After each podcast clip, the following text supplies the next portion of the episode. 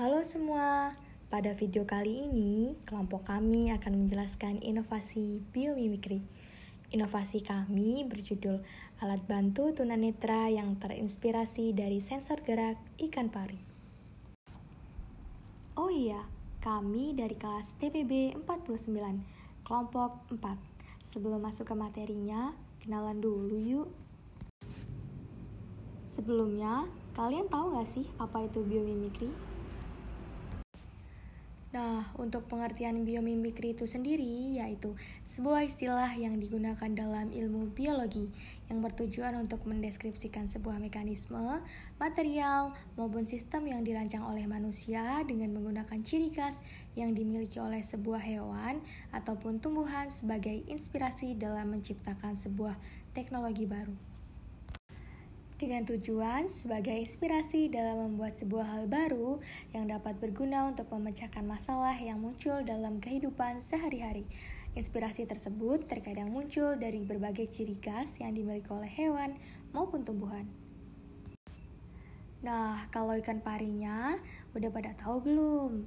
Kalau belum, nih kita kasih tahu penjelasan singkat tentang ikan pari. Ikan pari atau ikan peh adalah jenis ikan laut yang memiliki 560 spesies dan tergolong dalam 13 famili. Ikan pari memiliki bentuk badan yang pipih dan datar, serta tidak memiliki tulang. Selain itu, ikan pari juga memiliki kemampuan khusus, yaitu kemampuan menggunakan medan magnet untuk menentukan lokasi. Kemampuan lain yaitu mendeteksi medan listrik yang dihasilkan dari hewan lain dengan menggunakan sensor listrik yang disebut ampul Lorenzini yang terletak di sekitar mulutnya dan melakukan migrasi dengan sistem seperti navigasi. Berikut adalah gambaran konsep alat bantu tunanetra. Lalu, gimana sih cara kerja alat bantu tunanetra? Alat ini dilengkapi dengan sensor jarak kapasitif yang dapat mendeteksi benda logam dan non-logam, seperti pohon dan dinding, serta makhluk hidup. Jangkauan alat ini sekitar 1,6 meter. Ketika suatu objek memasuki area deteksi, sensor mendeteksi objek dengan cara mengukur perubahan kapasitansi medan listrik kapasitor yang disebabkan oleh objek tersebut. Ketika sensor mendekati suatu objek, sensor akan mengirimkan sinyal yang menjadi masukan mikrokontroler atau Arduino. Masukan yang diproses mikrokontroler dikirim ke handset dan menghasilkan output berupa suara menunjukkan posisi objek.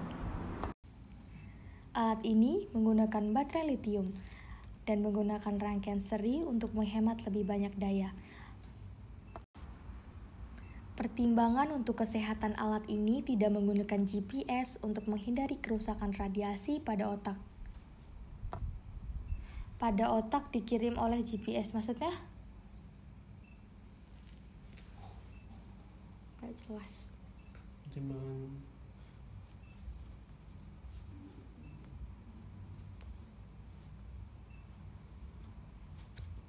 Udah. Radiasi pada otak aja udah Lalu, apa aja sih kelebihan dan kekurangan dari alat bantu tunanetra ini? Adapun kelebihan dari alat ini adalah yang pertama, memberikan tunanetra sebuah gambaran tentang lingkungan seluas radius 1,6 meter di sekitarnya.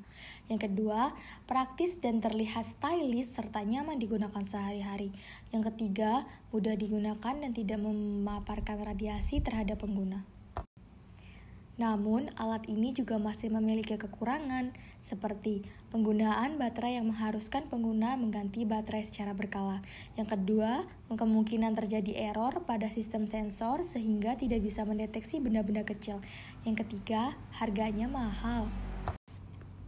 Oleh sebab itu, alat bantu tunanetra ini terus dikembangkan agar dapat bekerja lebih baik lagi. Berikut merupakan barcode dan link yang dapat kalian kunjungi untuk melihat poster dan laporan mengenai materi biomimikri kali ini.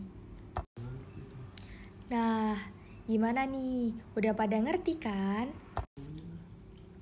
Semoga materi yang kita sampaikan bisa berguna untuk teman-teman semua.